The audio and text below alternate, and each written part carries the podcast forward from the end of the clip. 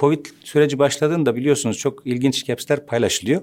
İşte hanımla tanıştım çok iyi bir insanmış falan. Ben tam olarak böyleyim. Yani ben çocuklarımdan mesela Elif, Elif'im üç, üç numara. O biraz daha düşkün babaya. O böyle yaşamamızı anlamlandıramadı.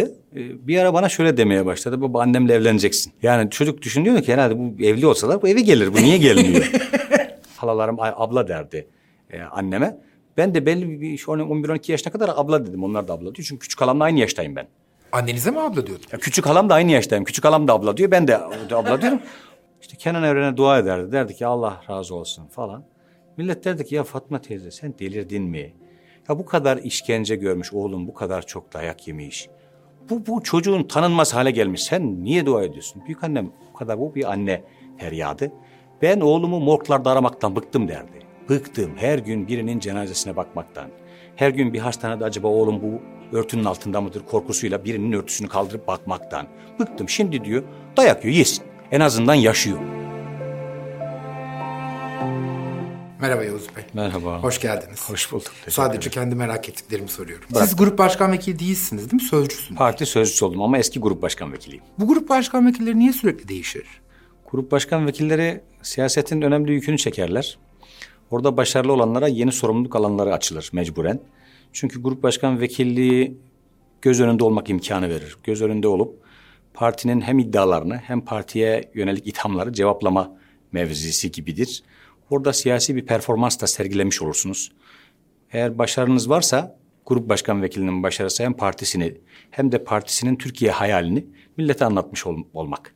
Şimdi bu hayalde başarılı olmak, tesirli olmak, siyasetin çünkü itibarı sözün tesirindedir. Siyasetin itibarı sözün kuvvetindedir. O kuvvetten istifade etmek ister parti. Bazen bu dezavantaj da olur. Yani parti içerisinde e, siyasi bir hiyerarşi yükselme trendi varsa grup başkan vekilliği iyi bir tramplendir aslında. Dolayısıyla o hem partiye hizmet anlamında avantajdır hem de parti içi iktidar mücadelesi falan varsa orada da dezavantaja dönebilir. Ama grup başkan vekilliği görünmek, yük çekmek, memleket hayaline koşmak, koşturmak anlamında çok ciddi bir tramplendir. O tramplende başarılı olanlar başka yük alabileceği alanlara taşınır. O öyle. Aslında bir yandan da hem sözcü olmak hem grup başkan vekili olmak bir partinin vitrini olmak. Vitrin. Yani partinin politik diskurunu takdim ediyorsunuz. Yani partiye partiye yöneltilmiş suallere cevap veriyorsunuz. O cevapların millet vicdanındaki karşılığını uygun bir siyasal dille temsil ediyorsunuz.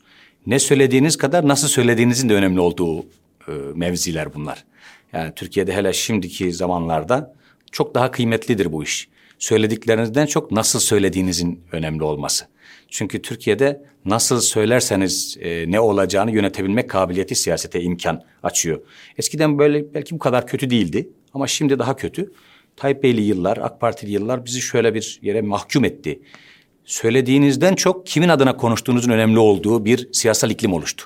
Yani insanlar sizin sözünüzü dinlemiyorlar aslında önce. Önce kimin adına konuşuyorsunuz? Bu söz kimin sözü?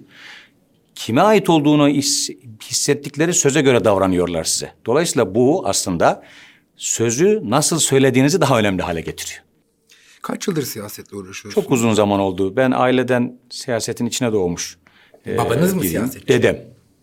E, rahmetli dedem. Hangi e, partiden? Alparslan Türkeş'le rahmetli dedem çok uzun yıllar cemiyetçilik yaptı. Benim şöyle bir avantajım oldu. Dedem çok genç dede oldu. Babam çok genç baba oldu. Babam 16 yaşında evlenmiş, 17 yaşında. Ben e, lise 3'e giderken beni okula götürürmüş.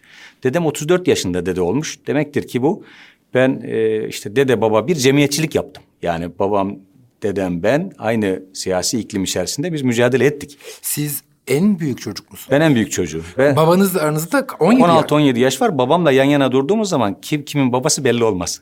Aa, ne kadar güzel. Şimdi şöyle bir mevzu olur genellikle. Babam annemle hala dayı çocukları. Çok da mevzu uzuyor böyle babam falan deyince bilmeyenlere. Bu benim babam diyorum. Bakıyorlar ki hiç baba gibi durmuyor. Ben de o mevzunun çok uzamasından muzdarip olduğum için diyorum ki bu senin neyin oluyor diyen herkese ya da birbirimiz için böyle diyoruz. Annemin halasının oğlu diyorum. Diyorlar ki bir akrabalık var. Ya akrabayız diyorum benziyoruz. Başka kardeşiniz var mı? İki kız, iki kardeşim var. Bir kız bir e, oğlan. Bir, küçük kardeşim e, müfettiş burada. Kız kardeşim öğretmen. Üç Onlar kardeş. siyasetle ilgilenmiyor. Yok. Siz ailenin e, yani Ben- baba ve dede geleneğini sürdüren Evet. sizsiniz. Bir de ilk torunum ben. Sülalenin de ilk torunuyum. İlk torun olunca biraz daha kıymetli ol- oluyorsunuz.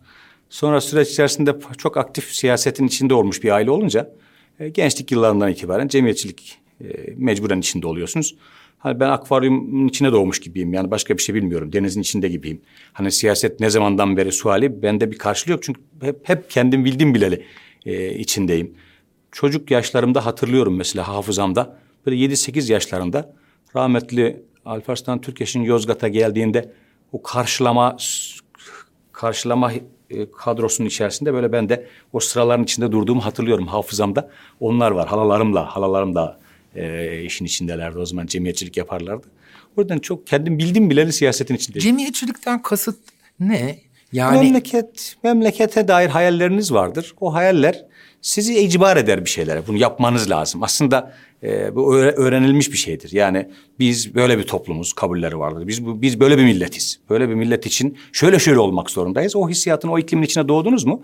Belli ritüeller sizin için mecburiyet alanı haline geliyor. Yapmak zorundayız. Niye? Çünkü milletimize hizmet etmek zorundayız. Niçin? İşte devletimiz güçlü olmak zorunda. Niçin yapmak zorunda? Ahlaklı olmak zorunda. Niçin? Çünkü ahlaklı olursak e, toplum ayağa kaldırabilir. Toplum bir toplum akla, ahlaklı olabilirse güçlü olabilir. Liyakatli olmak zorundayız. Öğrenmek zorundayız, bilmek zorundayız. Bir sürü mecburiyetin size açmış olduğu kulvarlardan koşarsınız. Cemiyetçilik en azından eski zamanda öyleydi. benim aklıma siz cemiyetçilik deyince mesela şey geliyor. Atıyorum e, ne bileyim Küçükleri Koruma e, Derneği'nde çalışmak falan gibi bir şey geliyor. Hepsine havi sor- sorumluluklarımız oldu. Mesela bizim cemiyetçilik dediğimiz işlerin içerisinde bu sizin dedikleriniz de vardır.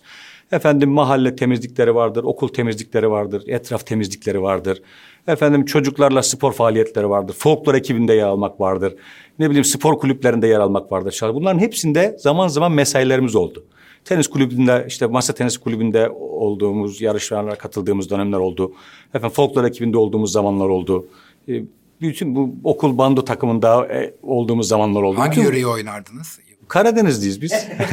Horon mu tepiyor? horon evet. Biz Karadeniz'deyiz. Öyle şey- İbadet iştiyakıyla biliyorsunuz bizde horon böyle kutsal bir dans gibidir. Yani sabahlara kadar nizasız, fasılasız bu kadar e, insanın ilk başladıkları coşkuyla oynayabildiği herhalde e, çok bir Karadeniz'de olmayanlar da anlamazlar. Niçin devamlı bu ihtiyacı duyuyorsunuz siz? Niçin saatlerce aynı şeyi yapmaktan bıkmıyorsunuz? Falan gibi bir merakın konusu oluyoruz ama Şey değil mi? Karadenizliler kemençesiz duydu mu dayanamıyorlar. evet o, o yüzden diyorum kutsal Tıpkı Güneydoğuluların ibadet iştiyakı gibi e, öyledir. davul zurna duyunca dayanamadıkları gibi. Öyledir evet. Ben de öyle gençliğimi öyle geçirdim. Yani çok horon bende. Horon bir de bana çok inanılmaz bir e, şey verir. Nasıl diyeyim? Bir mücadele iştiyakı verir. Yani horon e, bende kemence mücadele etmek böyle yani mehter etkisi yapıyor bende horon. E, o da bir nevi Karadeniz'in mehteri sayılır öyle. yani. Çocuklarınız da var. Var. Kaç bir tane? oğlum var. E, e, iki kızım var. Oğlum İstanbul Teknik Üniversitesi'nde elektrik elektronik okuyor. Kızlarım, kızım büyüğü seneye üniversiteye girecek. Öbürü yedinci sınıfta. Benden biraz uzakta büyüdüler, habersiz büyüdüler falan ama Ayrı ayrı şehirlerde mi? Şöyle eşim öğretmendi. Yozgat'ta e, kaldı. E, Eskiden bu 28 Şubat sürecinde başörtüyle çalışmak zorluğu vardı. Ailem benim Yozgat'ta mukim. E, Yozgat sorgunda da daha rahattı çalışma şartları. Orada çalışmaya başladı. Sonra bu süreç normalleşmeyince biz Ankara'da kaldık. O Yozgat'ta kaldı. Sonra alıştık böyle. 20 senedir işte hemen hemen bu 20 senenin kaç yılı bir arada geçmiştir? Belki bir birkaç yılı bir arada geçmiştir. Şimdi yeni bir araya geldik. Bu Covid süreci başladığında biliyorsunuz çok ilginç capsler paylaşılıyor. İşte hanımla tanıştım çok iyi bir insanmış falan. ben tam olarak böyleyim. Yani ben, ben şimdi tanıştım gerçekten iyi bir insanmış ya. 20 yıl sonra değil mi? evet tanıştım iyi bir insanmış. Yani Nasıl yürüttünüz? Böyle Şöyle uzaktan uzağa. alıştık galiba. Yani baştan böyle bir mecburiyetle başladı. Sonra alıştık. Çocuklarım onlar biraz zorlanmıştır. Eşim de zorlanmıştır da çocuklarımdan mesela Elif, Elif'im üç, üç numara. O biraz daha düşkün babaya. O böyle yaşamamızı anlamlandıramadı. Ee, Bir ara bana şöyle demeye başladı. Baba annemle evleneceksin. Yani çocuk düşünüyor ki herhalde bu evli olsalar bu eve gelir. Bu niye gelmiyor? Baba annemle evlenmen lazım falan. Kızım işte evlen yok diyor baba evleneceksin böyle olmaz. Şimdi sonra annesi böyle bana şeyleri gönderirdi resimleri. Benim işte eşofmanlarım evde içine yastıklar falan doldurup kollarını falan her şeyini doldurup ona sarılıp uyuyormuş falan. O resimleri e, falan atardım. Ama baktım Elif'imi çok etkilemiş yani uzakta yaşamak. Şimdi ama bir araya geldik şimdi tanıştık mutluyuz. Peki hanımınız halen öğretmenlik yapıyor. Öğretmen. Şimdi yeni Ankara'ya geldi. Geçen sene de işte milletvekilliğinden sonra Ankara'ya işte biraz daha mesaim artacak. Artık dedim hani gidip gelemeyeceğiz alalım. Ee, zor ikna ettim. Bir de böyle ayrı yaşayınca alışıyorsunuz. Kimse kimseyi çekemez hale geliyor. Herkes özgürlüğünü Gerçekten kontrol etmeye çalışıyor. Gerçekten öyle oluyor. Çekemez hale geliyorsunuz. Bu Covid dolayısıyla bir antrenman oldu bize. Bir arada yaşama antrenmanı. 2-3 aydır bir aradayız. Ben normal zamanda 2-3 gün evde kaldığım vaki değildir. Yani evlendik. Ev, evvel de öyledir de evlendikten sonra da. Ee, bir de aile Trabzonlularla e, biraz yaşamak zordur. Niye? Ya biz biraz böyle kalabalık aileyiz. Herkes hala kızı, herkes hala oğlu, herkes dayı oğlu. Bütün sülale yani 500 kişi ise 500 de kardeş gibidir. Ee, bizim eşimin taraf tarafı biraz daha sakin. Bunlar Malatyalılar. Bunlar dört kişilik bir çekirdek aileler. Ha, nereye düştüğünü anlamadı önce. yani bu gerçekten çok zorlandılar. Ba- istemeye gittiklerinde mesela annem demiş ki ya bizim erkeklerimiz demiş iyidir. Yani bunların babaları da dedeleri de iyidir. Yavuz'un demiş dedesi de çok iyidir, babası da çok iyidir. Bunlar demiş kavga etmezler. Yani oğluna kız istemeye gitmiş bir anne. Bunlar demiş hani kavga etmezler. Ağızlarından kötü bir söz çıkmaz. Efendim istediğinizi alırsınız, istediğinizi yersiniz, istediğiniz yere gidersiniz. Yani hiçbir şey mevzu etmezler. Yemek yapın yapmayın beklentileri olmaz. Bunlar hiçbir problemler olmaz. Bunların tek kusurları var demişler. Kayınvalide demiş ki ne demiş kusuru? Bunlar demiş eve gelmez. Ama doğru söylemiş. Bunlar eve gelmez. Ertesi gün bizimkiler biraz böyle kartları düşük. Yani normalde hani kız istenmiş, söz hesap edilmiş falan ama biraz mutlu olmaları lazım. Biraz böyle kaşı gözü düşük yer. Dedim hayır ne oldu? Ha böyle böyle dedi. Anneme diyorum ki ya anne böyle kız istenir mi? Bu denir mi diyor. Ya diyor oğlum ben diyor başıma geleceği biliyorum. Ben yarın ben diyor senin babanı morglarda şurada bu 80 öncesinde hastanede orada mı kaldı burada mı kaldı baştan bilsin ona göre gelsin. Şimdi birazcık bu siyasi meşgalelerimiz dolayısıyla da mesaimiz çok olunca hanım biraz şikayetçi olur falan. Annem hemen der ki kaynana böyle bir şeydir. Kızım ben sana söyledim bunlar eve gelmez diye. Dolayısıyla şimdi biraz alıştık. Bakalım ne olacak işte.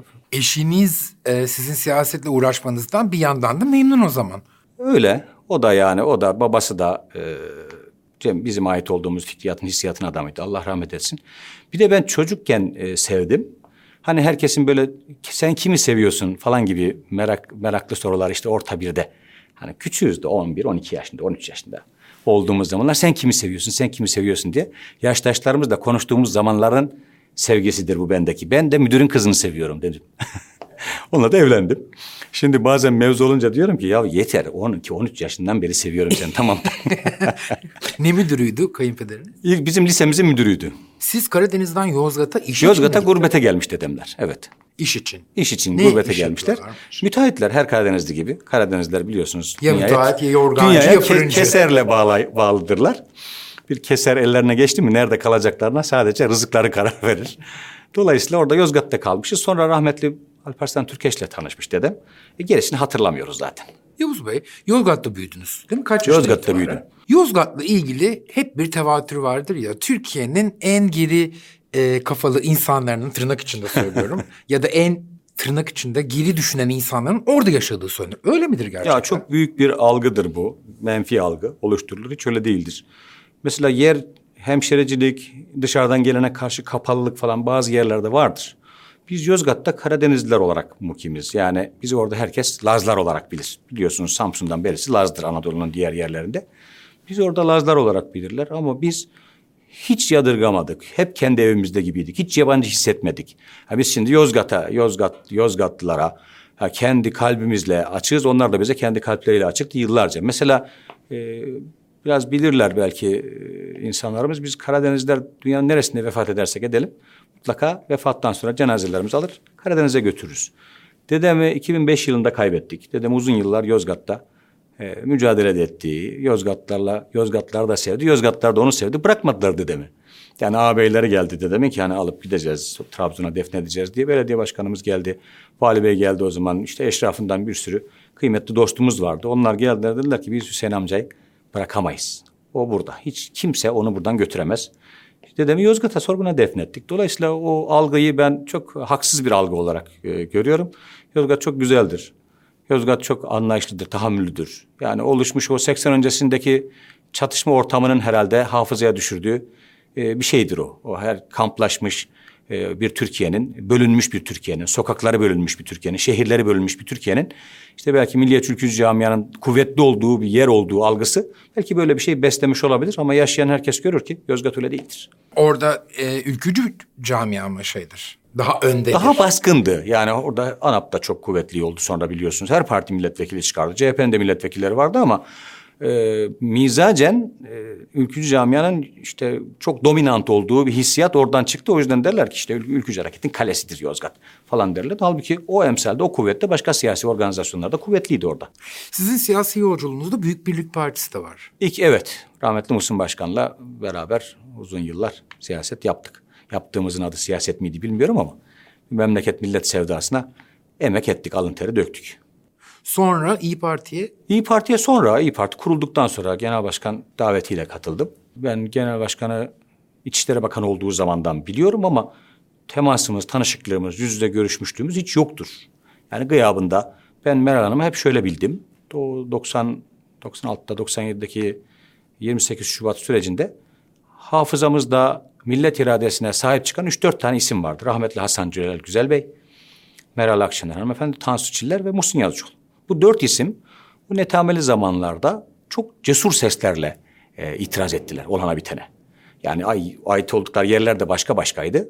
Ama millet iradesine tasallut eden bu dehşetli e, salvolara karşı çok inanılmaz itiraz ettiler. O zaman hafızamda benim Meral Hanım şöyle kaldı. Bu zor zamanda hanım bir hanım olarak bu kadar gür seslerle itiraz edebilmiş olmak çok büyük bir kıymetti benim için. O yüzden ben arkadaşlarımla hep öyle kavilleştim. O zamandan beri hep derim ki bu zor zamanda bizi unutmayanı biz de unutma, unutmayacağız. Yani unutursak bize yakışmaz. Çünkü e, kendisine yöneltilmiş onca ithamın altında kaldı mukaddesatçı camiye. Herkes lal oldu. Koca koca hatipler, milli görüş geleneğinin anlı şanlı e, kürsülerde konuşan, meydana tozu dumana katan adamları. Zoru görünce herkes sustu, lal oldu. Hiç konuşması beklenmeyen insanlardı bunlar. Meral Hanım, Tansuçiler. Onlar konuştular. O zamandan beri ben içimde hep bir vefa duygusunu şöyle taşıdım. Dünya dünyaya kalsın. Bir gün gadre uğrarsa asla sırtı dönülmeyecek bir insandır. Vefa göstermek zorundayız. Unutursak bize yakışmaz bunu unutmak diye. Ben hep o duyguyu taşıdım. Ne zaman gadre uğrasa Meral Hanım hiçbir tanışıklığımız, hiçbir görüşmemiz yoktur dünya gözüyle. Ama ben elimde ne varsa, kalem varsa kalem, işte söz söyleme imkanım varsa o, onunla mukabele ederdim. Dedim ki ayıptır. Yani sizin bu dediğiniz iş dediğiniz muhatabınıza bunları deme şekli ayıptır. Niye? Çünkü siz hepiniz sustuğunuz zaman o konuşacak kadar cesur bir iradeyi temsil ederdi. Böyle bir vefa duygusu taşıdım ben. Şahsına değil de iradesine. Sonra partileşme sürecini falan tabii ki izledik. Yani o MHP içerisindeki bir süreci izledik. Dışarıda duruyorum. Ben Büyük Birlik'te işte rahmetli Muhsin Başkan'ın vefatından sonra işte genel başkan adayı oldum. Sonra işte muvaffak olunamadı. Sonra arkadaşlarımızla beraber dağılmayalım diye o sizin işte cemiyetçilik dediğiniz işin içerisinde işte STK kurmuş olduk. Bir sivil inisiyatif merkezi. Onun etrafında dağılmayalım, bir arada duralım. Biz de karınca kararınca memleketin, milletin istikbalini alın teri dökelim. Bu, bu işlerin içerisinde işte devam ederken Meral parti kurdu.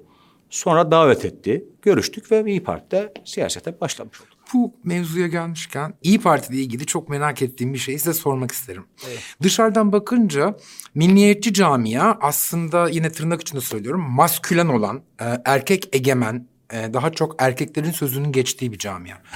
Ama mesela İyi Parti'de bir kadın genel başkanın da başkanlığında e, o parti yürüyor ve evet. mesela bu bana dışarıdan çok ilginç geliyor. Çünkü hani küçüklüğümden beri benim algım işte milliyetçi insanların daha maskülen olduğu, ne bileyim daha vurduya kırdıya böyle hep benim algım öyle bilmiyorum. Ama mesela Meral Hanım'ın bir kadının başkanlığı belli ki o camiayı çok da rahatsız etmiyor. Şöyle ülküsünün mürüvvetini görmek diyorum ben. Çok ağır bedeller ödemiş bir harekettir. Camia e, maalesef şöyle bir talihsizliği vardır. Ülkü camianın bütün şubelerini kastediyorum. Partiler ayrıldı, bölünenler oldu. Kendilerine yeni parti kuranlar oldu. itiraz edip partiden ihraç edilenler oldu. Çok oldu evvelinden beri. Siyasi bir ekol olarak da söylüyorum bunu. İktidara iddiasıyla gelmek imkanını bulamadı. Yani o yüzden diyorum ülkesinin mürüvvetini göremedi. Genelde de hareketimiz çok yetişkin, çok zarif aslında, çok muhtevalı insanlarını göstermek imkanından mahrum kaldı. Önde olanlar ne hikmetse görünenler, hareketi temsil noktasında olanlar hareketin muhtevasının en zayıf halkaları. Ya inanılmaz bir şekilde mesela sizin dediğiniz bu işte maskülen daha böyle dominant, daha böyle erkek egemen falan algının içerisinde daha böyle köşeli cümleler kuran, tahammülsüz, abuz çehreler, asık suratlar, çatık kaşlar falan böyle bir memleket millet derdini hep asık suratlarla terennüm eden insanlar. Aslında böyle değildir. Ama böyle olunca herhalde ciddi olacağını zanneden bir kütleyle e, yönetildik hep yıllarca. Aslında öyle değildir. E, yılları sari, siyasi mağlubiyet serisi şuna döndü. Belli bir süre sonra sizin bu dediğiniz handikap oy verme davranışlarında kategorize etti. Babaların partisi yani eşlerin ve kızların partisi değil babaların partisi. O iktidar açlığı, iktidara biz de gelebiliriz. Aslında iktidarı yönetebiliriz, hizmet edebiliriz. Yetişkin insanlarımız var duygusu. Her seçimde mağlubiyetle birleşince belli bir süre sonra artık babamın partisi, büyük babamın partisiydi. Ama asla kızlarımızın ve hanımlarımızın, annelerimizin partisi olamamış gibi bir algı perçinlendi. Dolayısıyla orada Meral Akşener şunu temsil etti galiba. Ülkücü camianın iç politik mevzisinde de böyle bir şeyi tetiklemiş olabilir. Bu bizim ailemizin partisi yapabilir. Hareketi ailemizin partisi yapabilir. Dolayısıyla bu bu iradesiyle iktidarı tetikleyebilir. O duygu rekabette o sizin dediğiniz dezavantaj avantaja çevirdi. Olan odur. Hiç böyle bakmamıştım. Sosyolojik olarak evet. Yani bu avantaja döndü. İktidar ümidi gördü. Kitle eşimin partisi, kızımın partisi sokakta işte bu e, ceberut devamlı bağıran, buyuran, devamlı e, insanları tehdit eden bir algının yerine müjdeleyen, dokunan, işte merhamet eden, zarafet temsil eden bir algı partiyi birden siyasetin merkezine getirebilir duygusu bence oradaki dezavantaj avantaja çevirdi. O sizin an, anlamadığınız işin sebebi sosyolojik olarak bu. Ama güzelmiş. Bu. Evet, kıymetli bir iş. Çok. Şimdi birazcık mesela romantik olanlarımız şöyle demeye e, başladı bu mevzuda. E, o, o, bir baskı. Yani bir hanımın genel başkanlığında falan bir, bir siyasi bu kadar erkek egemen bir organizasyonda bu e, kendi aramızda hasbihalde bu bir baskıdır. Onu da şöyle kodlamaya çalışıyorlar. Ben de yardımcı oldum. Dedim ki şöyle diyelim. E, mesela Milliyetçi Hareket Partisi'ndeki iktidar yarışında bunu kendisine dert edenler için diyordum ki ya bir hanımdan tamam Meral Hanım bizim başımızın tacı falan derlerdi mesela MHP'deki politik mücadelede. Ama yani şimdi başbuğun yerine de falan şimdi zorlanıyorlar bir şey diyecekler. Diyorum ki şöyle yapın. Bu ara diriliş kuruluş replikleri çok moda. Bunu haymana sayarsanız sonra buna bir Ertuğrul buluruz. yani, bu bizim haymanamız olsun sonra bir Ertuğrul bulalım buna. Çok güzelmiş. Geçişi öyle dedim öyle hissediyoruz. En azından ben mesela çok kamuoyu bilmez onu çok paylaşmayı çok isterim. Ee, Genel Başkan'la ilk tanıştığımda beni siyasete davet etme zarafeti beni çok etkiledi. Yani bunu isterseniz kompliman diyebilirsiniz buna. İsterseniz merkez sağda siyaset yapmış olan birinin siyasi mahareti deyin. Ne derseniz deyin. Yani bazıları buna e, menfi bakabilir ama o bile kıymetlidir. Dedi ki e, ben dedi rahmetli Turgut Özal'ın çok büyük hizmetler ettiğine inanırım. Genç girdi siyasete. 20 sene siyasete taşıdığı kadro devlet hizmeti gördü, millet hizmeti gördü. Ondan sonra Tayyip Erdoğan da siyasete çok genç başladı. O da yanındaki genç kadroyla elinden geleni yaptı ve yaşlandı. Ben de, de Tayyip Bey'in sözünü bitirdiğine inanıyorum. Yani artık Tayyip Bey'in sözü bittiği için yürüyecek yolu da bitti. Ben de mücadele edeceğim. Beraber mücadele edelim dedi.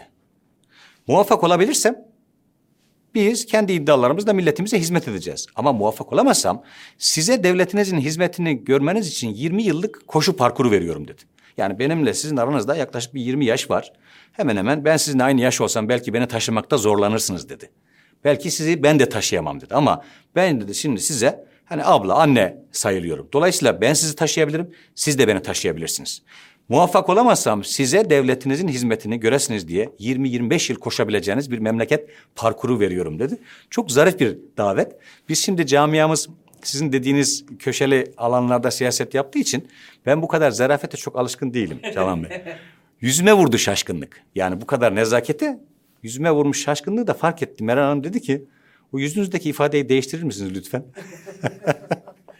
Dedim ki kusura bakmayın yani utanmasam diyeceğim ki ya şu kenarda bir yerde ağlayabilir miyim yani. Biz bu kadar nezakete çok alışkın değiliz. Genellikle bizim parti içerisinde iktidar mevzisi kapma ya da iktidarın herhangi bir mevzisinde yer alma gayretlerimiz çok böyle tır, tırmalayıcı olur.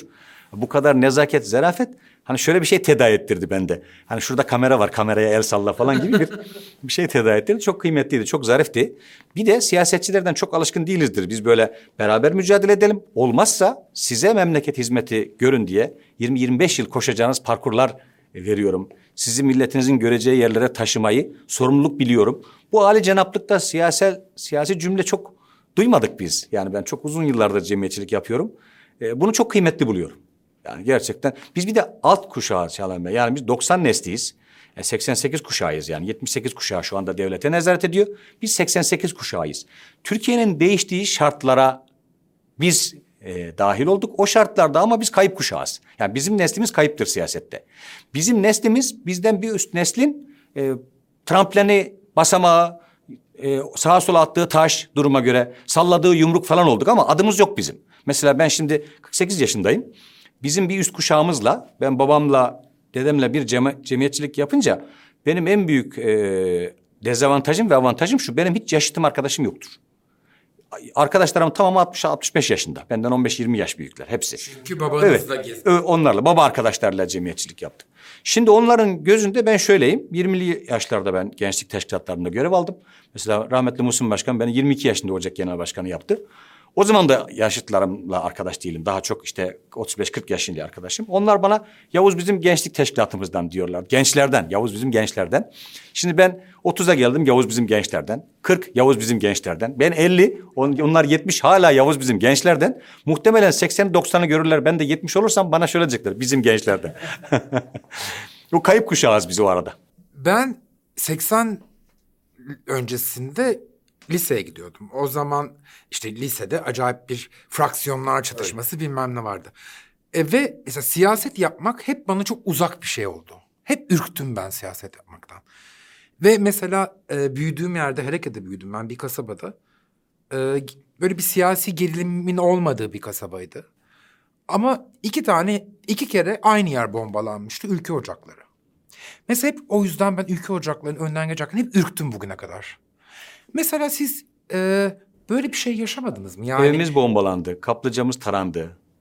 Ee, yarım saat, e, mesela 80 öncesinde e, kaplıca işletiyor. Büyük annem, e, dedem kaplıca e, dayımlarla beraber kaplıca işletiyoruz. Bir taraftan da müteahhitlik yapıyoruz. Kaplıca'ya yakın bir köprü var. O köprünün üstünden yarım saat ayaklı makinalarıyla taradılar kaplıcayı. Evimiz bombalandı. Dedem yurt dışına gitmek zorunda kaldı. Tehditleri savuşturamayız korkusuyla. Babam cezaevinde yattı bir yıl. Ee, ben e, ufaktım. Babam e, elleri kelepçeli sonra Mamak'ta kaldı. Sonra sorguna nakli oldu. Elleri kelepçeli geçerdi. Okulun önünden adliyeye götürürlerdi. Ben bakamazdım. Mustafa Hoca geçiyor derlerdi. Babam öğretmendi. Mustafa Hoca geçiyor derlerdi. Ben bakamazdım. Böyle sırtımı dönerdim falan. Yani e, bas şeyi gördük ama çok alıştık sanki içine doğduk. Hani bende sizdeki etkiyi yapmadı. E, ce- içine doğduk galiba ya da çok normal gelmeye başladı bize belki. şey o- kötü oldum baba meselesinden. Zor zor zamanlardı. Benim babam, e, büyük annem derdi ki mesela Kenan Evren'e dua ederdi. Ya normalde işkence gördüler. Babam e, 22 kilo vermiş Mamak'ta işkenceden. E, 64 kilo gitmiş, 42 kilo gelmiş. Bir ayda 40 gün falan kalmış. 40 42 kilo gelmiş. Geldiğinde sorguna yeni mahkum geldi falan tanımamışlar babamı. Arkadaş onun e, aynı e, tanıdıklar falan da varmış cezaevinde. Tanımamışlar sonra bakmışlar Mustafa Hoca falan. Büyük annem bu kadar eziyete rağmen zaman zaman anlatırdı. Sonra derdi ki işte Kenan Evren'e dua ederdi. Derdi ki Allah razı olsun falan. Millet derdi ki ya Fatma teyze sen delirdin mi? Ya bu kadar işkence görmüş oğlum bu kadar çok dayak yemiş. Bu, bu çocuğun tanınmaz hale gelmiş. Sen niye dua ediyorsun? Büyük annem bu kadar bu bir anne feryadı. Ben oğlumu morglarda aramaktan bıktım derdi. Bıktım her gün birinin cenazesine bakmaktan. Her gün bir hastanede acaba oğlum bu örtünün altında mıdır korkusuyla birinin örtüsünü kaldırıp bakmaktan. Bıktım şimdi diyor dayak yiyor yesin. En azından yaşıyor. en azından yaşıyor. Şimdi herhalde bu kadar şeyin içinde yaşayınca bize normal geldi. Yani ben bende bir e, ürkme sebebi olmadı bu. Yani Az, acaba Yavuz Bey biraz da hani e, ben bunları yaşamayacağım ve daha iyi bir ülke ya da daha iyi özgür bir ülke yaratmakta e, bir faydam olacak diye bir hırslandınız mı acaba? Bizim Bu şöyle bir kadar şey avantajı yaşayıp- oldu buna. Bizim öğrenme maliyetlerimizi çok daha az hale getirdi bu. Yani bizim bizden önceki nesil kavga ederek öğrendi. Zindan görerek öğrendi. Konuşamadıklarını cezaevinde 10 sene bir hücrede ya- yaşayarak, tahammül ederek öğrendiler. Yani dışarıda konuşsalardı belki cezaevine girmeyeceklerdi. Dışarıda memleketle ilgili hassasiyetlerini konuşarak çözebilselerdi belki bu kadar büyük bedeller ödenmeyecekti. Dolayısıyla onların tecrübe ettiği bu ağır işten bizim şöyle bir faydamız oldu. 90'lar aslında bir tarafıyla her siyasi kompartmanın kendi ideolojisiyle iktidar olmaya çalıştığı zamanlardı. Biz o, o zemine doğduk aslında. Ama biz oraya çok hızlı geçtik. Şimdi çok rahat siyaset konuşabiliyoruz Çağlan Bey. Sebebi ne? Sebebi artık bizim gibi düşünmeyen insanların da bu topraklarda bizim kadar yaşama hakları olduğunu kabul etmek mecburiyeti bizim siyasi ahlakımız, namusumuz. Yani farklı düşünmeyi zenginlik saymak. Biz kışla hayalinden kurtulduk. Herkesin aynı şeyi düşündüğü bir ülke hayalimiz yok bizim. Yani herkes kendi kendi kutsalıyla yürüyebilir ama başkalarının kutsalına hakaret etmemek gibi bir sorumluluk taşımalıdır. Yani biz şimdi Türkiye'de eski dönem siyaseti hala huzursuz ediyor bizi. Sizin dediğiniz motivasyonu şuradan kazanıyorum ben. Siyaset çok buyurgan, e, çok ne yapılması gerektiğini söyleyen, söylerken de itham eden bir e, kürsü haline geldi, getirildi.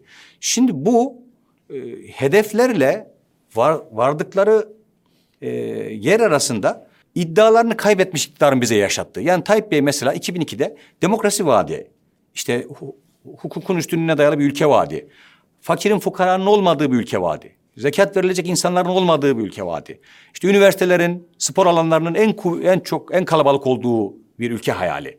Efendim ne bileyim yani rekabetin Avrupa Birliği kriterlerinin Ankara kriterleri haline dönüştüğü bir yüksek standartlı demokrasi vaadi var. Bir sürü vaat. Bu vaatler içerisinde sizi bir hedef üzerinde motive ediyor. Her siyasal eğilimi bir araya getiriyor. Türkiye'de sağcı, solcu, liberal, mukaddesatçı, muhafazakar, Kürt, Kürtçü, Türk, Türkçü ne varsa herkesten toparlayabildiği ne kadar makul varsa bu makullerle siyasal bir zemin oluşturdu.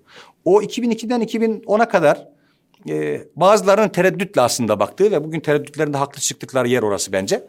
Ya biz sizin bildiğiniz insanlar gibi değiliz. Bakın tahammüllüyüz, hoşgörülüyüz. Biz bizim gibi olmayanları da e, bir mukaddes emanet gibi bir e, kut- e, kutsal olarak, kutsal bir sorumluluk olarak taşımayı biliyoruz diyen iktidar gitti. Kendisi gibi olmayan herkese itham eden, itiraz eden ya da itiraz eden herkesi hainlikle suçlayan bir dil geldi. Orada e, bizim e, motivasyonumuz şuraya döndü artık. Biz e, herkesin aynı şeyi düşündüğü bir ülke hayali kurmuyoruz. Öyle bir hayalimiz yok. Efendim e, At- Atatürk'ü sevmek için Abdülhamit'e sövmek zorunluluğuna inanmıyoruz. Efendim Enver Paşa'yı seviyorsanız Atatürk'e hakaret etmek zorunda değilsiniz. Türk tarihi kimi ne kadar severseniz seveceğiniz hissiyatınıza uygun bir dünya insanı size sunabiliyor. Ama sevdiğiniz insana sadakat göstermek için başkasına sövmek zorunda olduğunuz bir siyasal iklim doğru bulmuyoruz. Niçin insanlar birbirlerine hakaret etmek zorunda kalsınlar? Niçin insanlar birbirlerinin kutsallarına, sevdiklerine nezaketsizlik etsinler? Böyle bir ülkeden nasıl bir huzur hayali kurarak çıkabiliriz biz? Dolayısıyla bizim Bizden önceki neslin bize dayatmış olduğu bu siyasi kulvarın dışında şöyle bir hayalimiz var. Artık biz konuşabildiğimiz, görüşebildiğimiz ve nezaketle, zarafetle, merhametle birbirimize dokunabildiğimiz ülkenin adına vatan diyeceğiz. Yani herkesin birbirinin kafasını gözünü yarmaya teşebbüs ettiği yerin adı niye vatan olsun? Herkesin birbirine hakaret ettiği, herkesin gelecek endişesinden dolayı ilk fırsatta terk etmek duygusuyla şu geçici olarak durduğu yerin adı niçin vatan olsun? öngörülemez bir ülke haline geldiğimiz yere niçin aidiyet duyalım? Dolayısıyla ülkeyi şöyle bir yer haline getirmek zorundayız. Tuzak kurulmuş şahsiyetlerimize. Siyaset şahsiyetlerimize tuzak kurmuş. Mesela 20 yaşında çocuklarımızın okullara, üniversiteleri bittiği zaman girdikleri mülakatta kendilerine sual edilecek sorular ya da bakılacak sosyal medyadaki mecralarda paylaşımlarına bakılacak olduğu düşüncesiyle tedbiren inanmadıkları halde beğenmek zorunda kaldıkları işler. O kadar büyük bir suikasttir ki bu. Bir çocuk işe girmek için inanmadığı bir şeyi söyleyerek rızkını sağlama almaya çalışıyor ve siyaset buna mecburiyet oluşturuyorsa bu bir tuzaktır. 20 yaşında bir çocuğa para kazanmak ya da devlet memuru olmak ya da istediği bir mesleğe sahip olmak için yalan söylemek zorunda bırakılan siyasal iklimden ne medeniyet çıkar, ne hikmet çıkar, ne huzur çıkar, ne demokrasi çıkar. Mümkün değildir bu. Aynı şey bürokraside de vardır. Adam inanmıyordur ama terfi almak için inanmadığı şeyleri söylemek zorundadır. Ben Türk yurdunun bundan sonra bulacaksa huzuru şuraya bağlıdır. Motivasyonumuz buradadır. Tabiliğin kuvveti. Herkesin olduğu gibi görünüp, göründüğü gibi olmak imkanını bulduğu yerde liyakatiyle yükselebildiği bir ülke. Yani böyle olursa huzur bulacağız. Kendimi ait hissettiğim yerde kendim gibi olmak imkanı bulursam orası benim vatanımdır. Şimdi bu duyguyu aldığınız zaman çocukların, gençlerin, herkesin ortak duygusu şu. Bir an önce fırsatımız olursa terk edeceğiz. Bu kadar çok beyin göçü veren bir ülkeyi ayağa nutuk atarak kaldıramazsınız. Gençlerini vatanına, milletine, insanlığa bağlı hale getiremediğiniz bir ülkeyi inşa edemezsiniz, kalkındıramazsınız. Dolayısıyla bizim şimdi motivasyonumuz çok da kıymetli kıvam tutmuş bir yerde böyle cümlelerle taşıyor, taşıyabildiğimiz bir iş haline geldi. Yani biz siyaseti artık sadece bir partinin siyasi nazariyesini anlatmak, siyasi diskurunu anlatmaktan ziyade memleketimizi toparlamak, 83 milyonu bir ve beraber etmek, bir aile etmek ve bu ülkeyi yaşanabilir hale getirmek sorumluluğu gibi görüyoruz. Yani ben parti kılıcı sallayan biri hiç olmadım mesela. Mecliste e, yeni bir tecrübe benim için bu. Siyasetin bu 40 katır 40 satır arasında sıkıştığı yerde ben siyasete kalp taşlamak gibi yani baş taşlamak değil de kalp taşlamak gibi bir siyasi nezaket e, kazandırmaya çalıştım. Muvaffak olabildiğimi şöyle zannediyorum. Kendimiz gibi olmayan insanlara dokunabilmek, bizim gibi düşünmeyen insanların itimadına e, mazhar olabilmek lazım. Ya bizi sevmeyen insanlar, bizi nazik ve zarif bulmayan insanlar, bizi etkileyici bulmayan insanlar, bizim temsil Üzerime ettiğimiz... alınmadım hiç. Abi neyi bizim sizi sevmiyorlarsa sizin temsil ettiğiniz neyi sevsinler? Yani sizi zarif bulmuyorlarsa sizin inancınızın için zarif bulsunlar. Sizi sorumlu, ahlaklı, namuslu bulmuyorlarsa fikrinizi, zikrinizin için namuslu bulsunlar. Yani dolayısıyla karşılıksız tebessümlerin ülkesi derler. Çok kıymetli bir laftır. Yani mesela günün yorgunluğu içerisinde koşuşturursunuz, birileriyle niza edersiniz, kavga edersiniz, belki tartışırsınız mecliste. Akşam başınızı yastığınıza koyduğunuzda gün içinde aklınızda kalan tek şey şudur. Karşılıksız bir tebessüm. Beklentisiz bir hal hatır sorma. Ha, gün içinde asansörde denk geldiğiniz, çakıştığınız için özür dileyen yahut hiçbir beklentisi olmadan çok dupduru bir tebessüm. Hafızada o kalır. Dolayısıyla bu Türk yurdunun biraz böyle tabiliğin kuvvetiyle herkesin kendi gibi olabileceği, kendi gibi olan herkesin de inandığı ve yaşamak istediği gibi imkanı bulabileceği bir memleket haline gelmesi lazım. Çok çok rahat bir iş. Bana bu siyasetçilerin bu yaptığı çok zor geliyor. Bu yaptığı yapacağımız çok kolay bizim. Yavuz Bey, mecliste çok sert tartışmalar oluyor ya. Evet. Az evvel de bahsettiniz, dediniz ki gece yattığınızda işte aklınıza gelen... Mesela hiç şöyle bir şey, bir duygu hissettiniz mi? Bir, bir gün çok sert tartıştınız mecliste. Gece yattınız ve içinizden bir ses dedi ki ya da aklınız dedi ki haksızsın Yavuz. Mesela gidip kameraların ya da insanların olmadığı bir yerde ya pardon dün haksızdım ya da pardon Ben çok, çok, rahat özür dileyebiliyorum. Çok rahat özür dileyebiliyorum. Bu sizin dediğiniz şey o kadar kıymetlidir ki kalbi ve hasbi olmak bizim im. Her dediğimiz doğru olmayabilir ama her söylediğimize inanarak e, irade koymak, irade beyan etmek zorundayız. Bu yanılırsanız aynı tabilikle özür dilemek imkanı verir size. Biz yanlış yapınca kendi yanlışlarımızdan özür dilediğimiz gibi kendi arkadaşlarımız yanlış yapınca onlar adına da özür dileyebiliyoruz.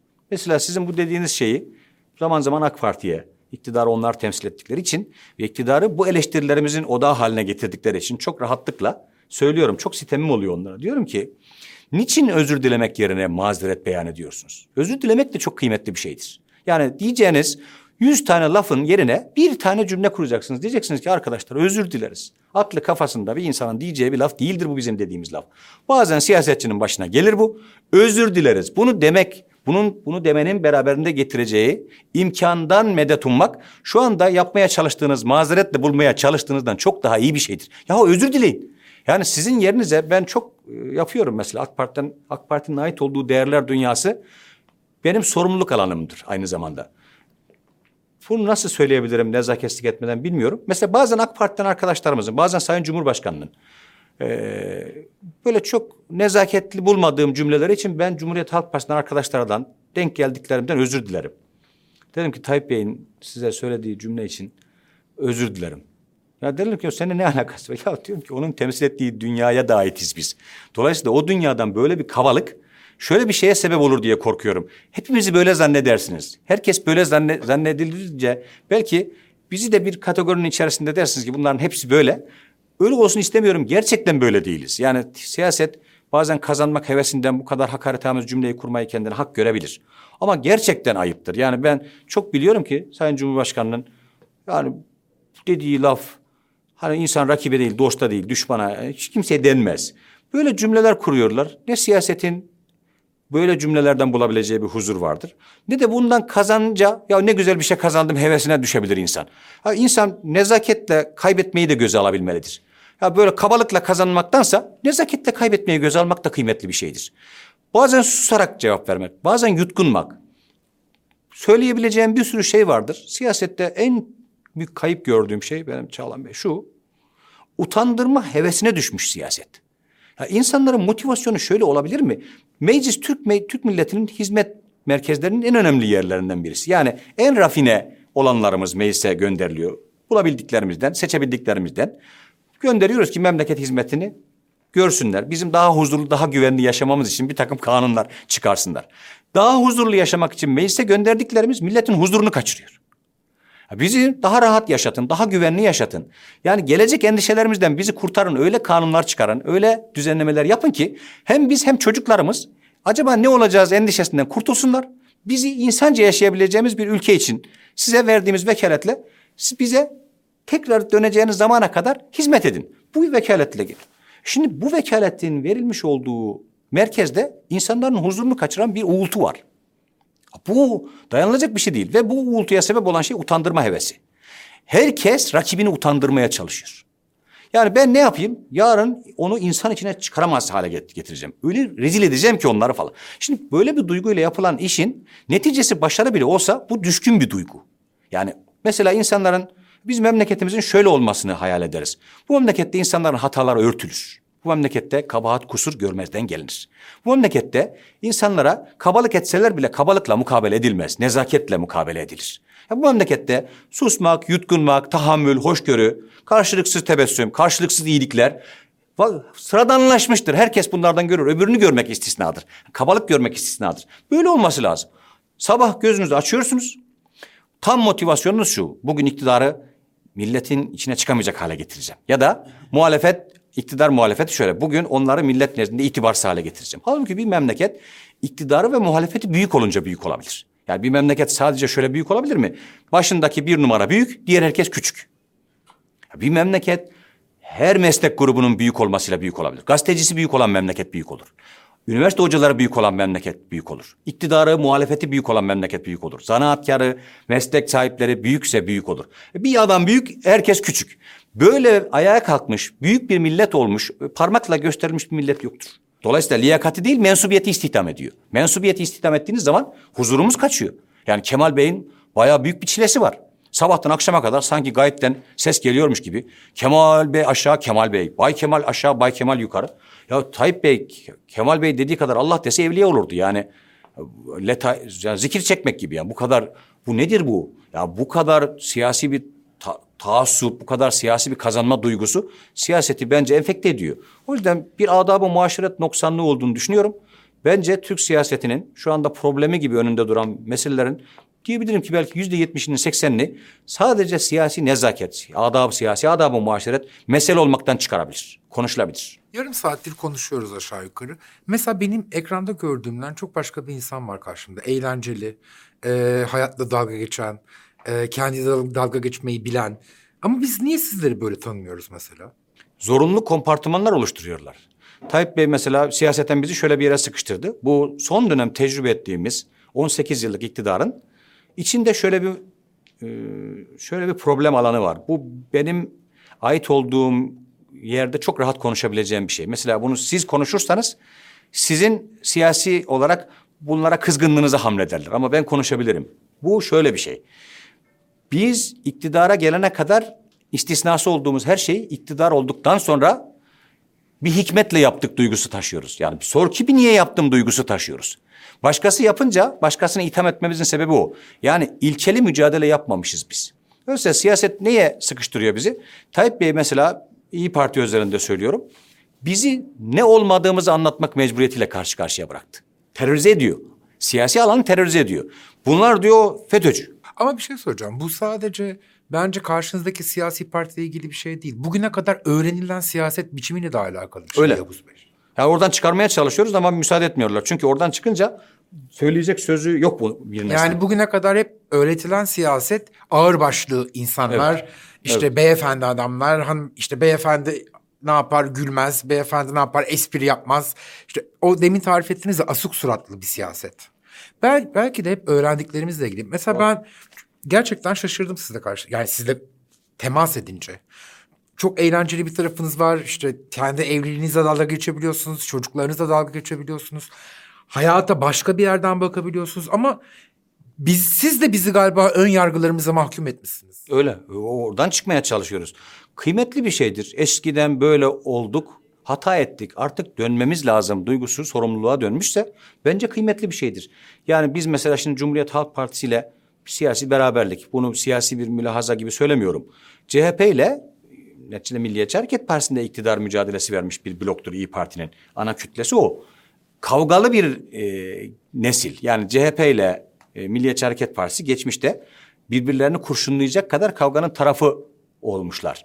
Ee, sağdan da soldan da insanlar vefat etti. Zindanlar görüldü, sürgünler yaşandı. Şimdi Türk demokrasi adına da bir kazançtır bu.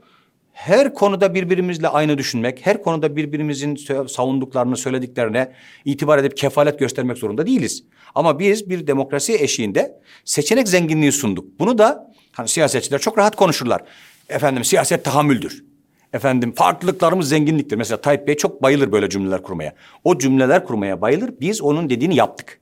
Bir araya gelme ihtimali çok mümkün olmayan siyaset teorisi açısından iki siyasal gelenek memleket demokrasi için seçenek zenginliği sundu. Çok kıymetli bir iş. O yüzden eskiden sizin dediğiniz sıkıştığımız kompartımanlardan çıkmış olmanın beraberinde getirdiği kuvvetlenme alanıdır bu. Hem demokrasi nefes aldı, hem ülke nefes aldı, hem de bir arada yaşayabiliriz'i gösterdik biz. Biz CHP ile CHP de bizimle her konuda aynı düşünmek zorunda değil. Birbirimizin her dediğini savunmak ve her dediğimizle mutabık olmak zorunluluğunun dışında biz farklılıklarımızı, renklerimizi bu memleket için zenginlik sayıyoruz. Buyurun alternatifimiz demiş olduk. Dolayısıyla eskiden öğrenilmiş olan sizin dediğiniz kapalı kompartımanların dışına çıkmaya başladık. Bence Türk demokrasinin de Türkiye'deki yaşam kalitemizi de yükseltecek olan şey bu duygu. Bence de yani mesela ben şimdi sizi televizyonda gördüğümde daha başka gözle bakacağım size. Anlatabiliyor muyum? Yani sizin de insani hasletlerinizin olduğunu bilmek güzel anlatabiliyor muyum?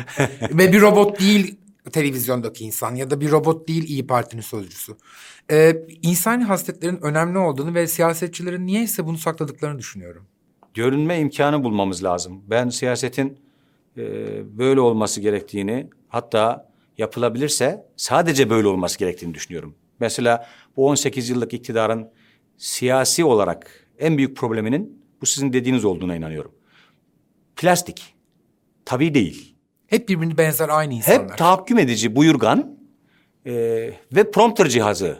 Yani mesela çok esaslı bir dönemimiz olsa bu prompter cihazı diyebilirim ki idarenin işini kolaylaştıran pek çok cihazlar bulunmuştur. Teknoloji bu anlamda yönetmek imkanını kolaylaştırmıştır. Bana deseniz ki en kötü hangisidir prompter cihazı?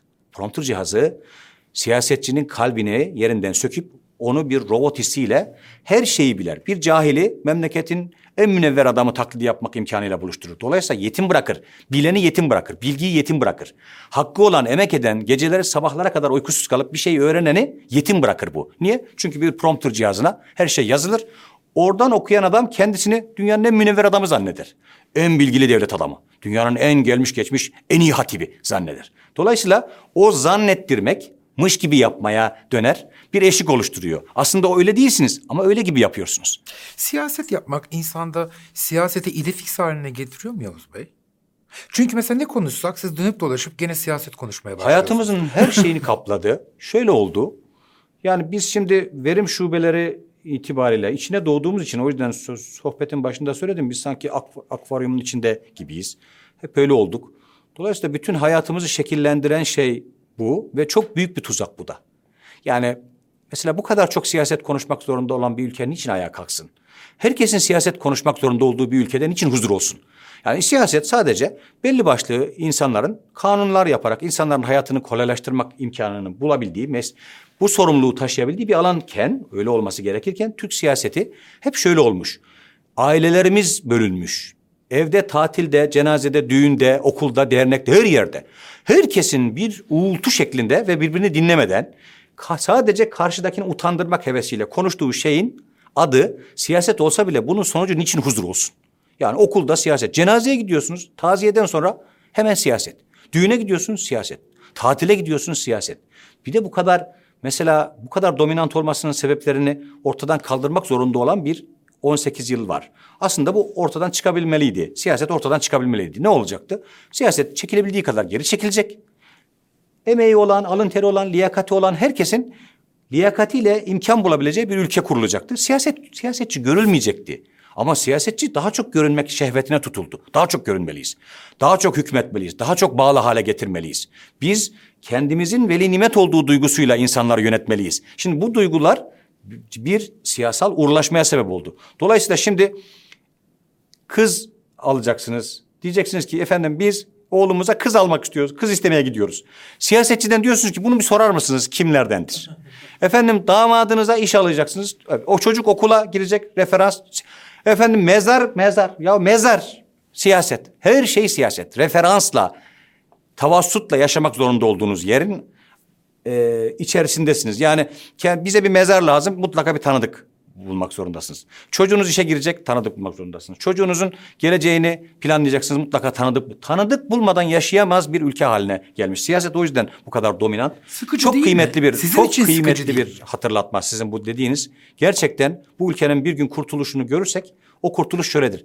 Siyasetçilerin kim olduğu, ne olduğu, ne konuştuğundan bağımsız insanların sadece yaşam standartlarıyla hayata bağlı olduğu. Yani bizim bu konforumuzu bize sunanlar bunlar o kadar. Genel bir ifade. Bizim bu yaşadığımız konforu bunlar sağlar. Yani sizin için sıkıcı değil mi? Mesela 24 saat siyaset düşünmek. Yani bazen sıkılıyorum. Bazen sıkılıyorum. Ta insan özlüyor. Ben biraz da me meşrep olarak e, inzivayı çok severim. Yani biraz ters e, yaptığım işle ters orantılı bu dediğim şey biliyorum. Ben devamlı inzivayı özlerim. Yani Karadeniz'e giderim, orman severim, çadır kurarım, dağda yalnız yaşarım. Gerçekten mi? Mutlaka. Hala yapıyor musun? Ha, fırsat birkaç yıldır hiç bulamıyorum. Yani birkaç yıl evvelesine çok rahat yapıyordum. Ama şimdi arttı yoğunluğum. Şimdi me- me- memlekette beni mesela şöyle bilirler. Mutlaka böyle bir sivri kayanın üstünde bir karartı görer, görürlerse derler ki Yavuz geldi. Ben mutlaka bir zirvenin, bir taşın, bir e, bir dağın üstlerinde kendine yer kollayan, bir ormanın derinliklerinde mutlaka kalan, inziva seven bir e, şeyim, Ne insanım yapıyorsunuz? Düşünüyorsunuz. çok, huzurlu oluyorum. Yani yalnızlık benim eee, kendimi en iyi hissettiğim yer yalnızlık. Çok eee, çok huzurlu oluyorum. Yani ben mesela eee, siyaseti bir gün bırakırsam hani herkesin bir takım hayalleri vardır. Ben bir orman ve bir çadır hayalim var. Yani bırakabilsem ve gidebilsem. Yavuz Bey gene hayalinizin içinde eşiniz yok farkındaysanız. Tek Öyle. o da o da ilginç bir şey. O da şehir sever. Ben dağ severim, o şehir sever. Ben tenha severim, o kalabalık sever. ben böyle Sizi ne eğlendiriyor? Mesela dışarıdan bakınca horon tepmekten başka da eğlenecek bir sürü şeyiniz varmış Var, gibi geliyor. Var çok e, yani e, galiba bu burcumun da özelliği. Pek böyle burçla mesaim yok ama eşim beni e, tanımlamaya çalışırken bulabildiği en iyi şey o. Kova burcu üzerinden bana sen böylesin sen şöylesin demeye çalışır. O bana attığı her şeye bakıyorum ki gerçekten öyleyim. Yani gerçekten o bana gönderdiği metinlerdeki gibiyim. E, aklıma geleni kendimi iyi hissettiğim e, işleri çok rahatlıkla yapabiliyorum. Mesela 2004-2005 yıllarında heves ettim tamamlayamadım ama içimde bir ukde kaldı. Yozgat'tan Trabzon'a atla mesela gidecektim. Bir at aldım. e, işte müştemilatını tamamladım, güzergahı çizdim falan. Normalde heves ettim ki iki üç ay işte gideceğim, geleceğim atla. Bir seyahat edeyim falan. E, aklıma gel gelenleri biraz özgür meşrepliyiz galiba biz. Ee, biraz da öyle dede, dede ile beraber büyümenin beraberinde getirdiği bir şeydir bu.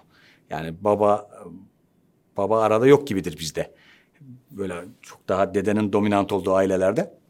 Bir de ilk torunsanız çok her istediğiniz oluyor. Her şeyi yapabiliyorsunuz. Biliyorum ben o de ilk torun. O, o bana böyle bir imkan verdi. Dolayısıyla babama mesela uzunca yıllar abim gibi baktım. Yani hatta hala annem e, halalarım "Ay, abla derdi e, anneme. Ben de belli bir 11-12 yaşına kadar abla dedim. Onlar da abla diyor. Çünkü küçük halamla aynı yaştayım ben. Annenize mi abla diyordun? Ya küçük halam da aynı yaştayım. Küçük halam da abla diyor. Ben de abla diyorum. Onlar abi diyorlar. Şimdi küçük halam benimle aynı yaş yani. Bir Türkan halam var. Bir onun bir üstü iki yaş ufak. Yani halalarımla bir kardeş gibiyiz biz. Dolayısıyla o birazcık herhalde bizi biraz daha şımarttı çocukken. Şimdi o meşrebimiz de şöyle birleşti. İstediğimizi bu annemin işte is- istemeye giderken söylediği şey işte bunlar ne gelmezler. Akıllarına geleni yaparlar falan. Ee, ama bakıyorum gerçekten eşim de meşrep olarak bana uyabilecek e, gayreti gösteriyor ama benim sevdiklerimi benim sevdiğim gibi sevmiyor. Yani ben dağ seviyorum. Ya dağ, dağ nasıl motive olursun diyor. Yani bir dağda insan ne yapabilir ki? Ya Karadeniz'de mesela e, ben çok düşkünüm. E, herkes Karadeniz'e çok düşkündür ama ben böyle birkaç gün boşluğum olsaydı eskiden bulduğum her boşlukta giderdim Karadeniz'e. Arabamın arkasında o zaman müştemilatım vardı. Oltam, işte çadırım, atlarım falan bütün müştemilatım vardır. Hiç yerimi yadırgamam. Yani desem ki yani insanlık böyle her şeyini kaybetse eski dönem e, olsa bir ara dönem geriye dönüş olsa ben bir ormanda yani bir küçük bir baltayla bütün o şeyi hayatımın konforunu oluşturabilecek şeye sahibim. Ha, o, orada yaşarım yani hiç problem yok. Yadırgamam. Halbuki çok insancıl duruyorsunuz. en son ne zaman gittiniz Yavuz Bey? Üç, dört sene oldu. Dört sene oldu yani dört sene önce bir kaçtım ee, bir, bir on, on beş gün. Ee, Oo uzun da. uzun ka- kaldım. Bir de şeyimiz var. Yani çocukluğumuzun o geçtiği yerler oralar. Biz şimdi çok yeni Sanki- nesil yeni nesil bilmez mesela Çaykara'da. Biz böyle çok ufaktık. Çağlan Bey o 9-10 yaşlarındayken bizim yaylayla köy 30 kilometredir. Ormanların içinden. Ee, bizi gönderirlerdi yaylaya. Hani hiç kimse demezdi ki ya siz buradan nasıl gideceksiniz? Yolda kaybolursunuz. Yaban hayvanları da var. Giderdik böyle emsellerimizle, dayı çocuklarımızla beraber. Elimizi kolumuzu sallayarak 20, sabah çıkardık 5'te 6'da namaz sonrası. Akşam saat 6'da varırdık yaylaya. E, Şimdi koşa koşa giderdik. Şimdi biz çocuklarımızı bakkala, markete, çarşıya gönderirken düşünüyoruz. 20 yaşında çocuklarımız var. 17-18 yaşında çocuklarımız var. Oralarda sanki geçmiş özlemi birazcık bugün yaşadığınız huzursuzluklardan sığınacağınız liman gibi oluyor galiba. O yüzden benim içimde hep böyle bir acaba bir daha gidebilecek miyim duygusu vardı. Sanki e, bir tarafınızda iflah olmaz bir romantik gibi. Niye bilmiyorum öyle hissettim. Belki de inziva falan dediğiniz için. Olabilir. yani bilmiyorum yani ama çok inanın yani şimdi hiç şeyi de yadırgamam. Siyasetçiler mesela çok siyasete bağlı hale gelirler. O siyaset yapmazlarsa onlar artık yaşayamazlar falan denir onlar için. Benim için öyle değil. Yani benim misalen söyleyeyim bugün siyaset bitse sorumluluk olarak ya ben niye bıraktım falan demem. Bir iş yapıyor musunuz siyasetten başka? Ticaretle uğraşıyor Yani musunuz? şöyle çevre düzenlemesi ve peyzaj işlerim vardı. O da meşrebime, mizacıma uygun bir iştir. O şan, şantiyelerde o hissiyatı yine alırım. Kendi konforumu oluştururum. Yani işte çadır ya da bir karavan. O, o karavanla o- orada aynı hissiyatı en azından memleketi oraya taşıyabiliyorum. O yüzden o işleri yaptım. Böyle çok böyle ticari bir performansla değil de severek yaptım. Yani öyle hayatımı idame ettirecek kadar. Ee, sizi tanıdığıma gerçekten çok mutlu oldum. çok teşekkür ederim. çok teşekkür ederim geldiğiniz için. Çok keyifliydi. Çok, teşekkür sağ ederim. olun. Sağ olun.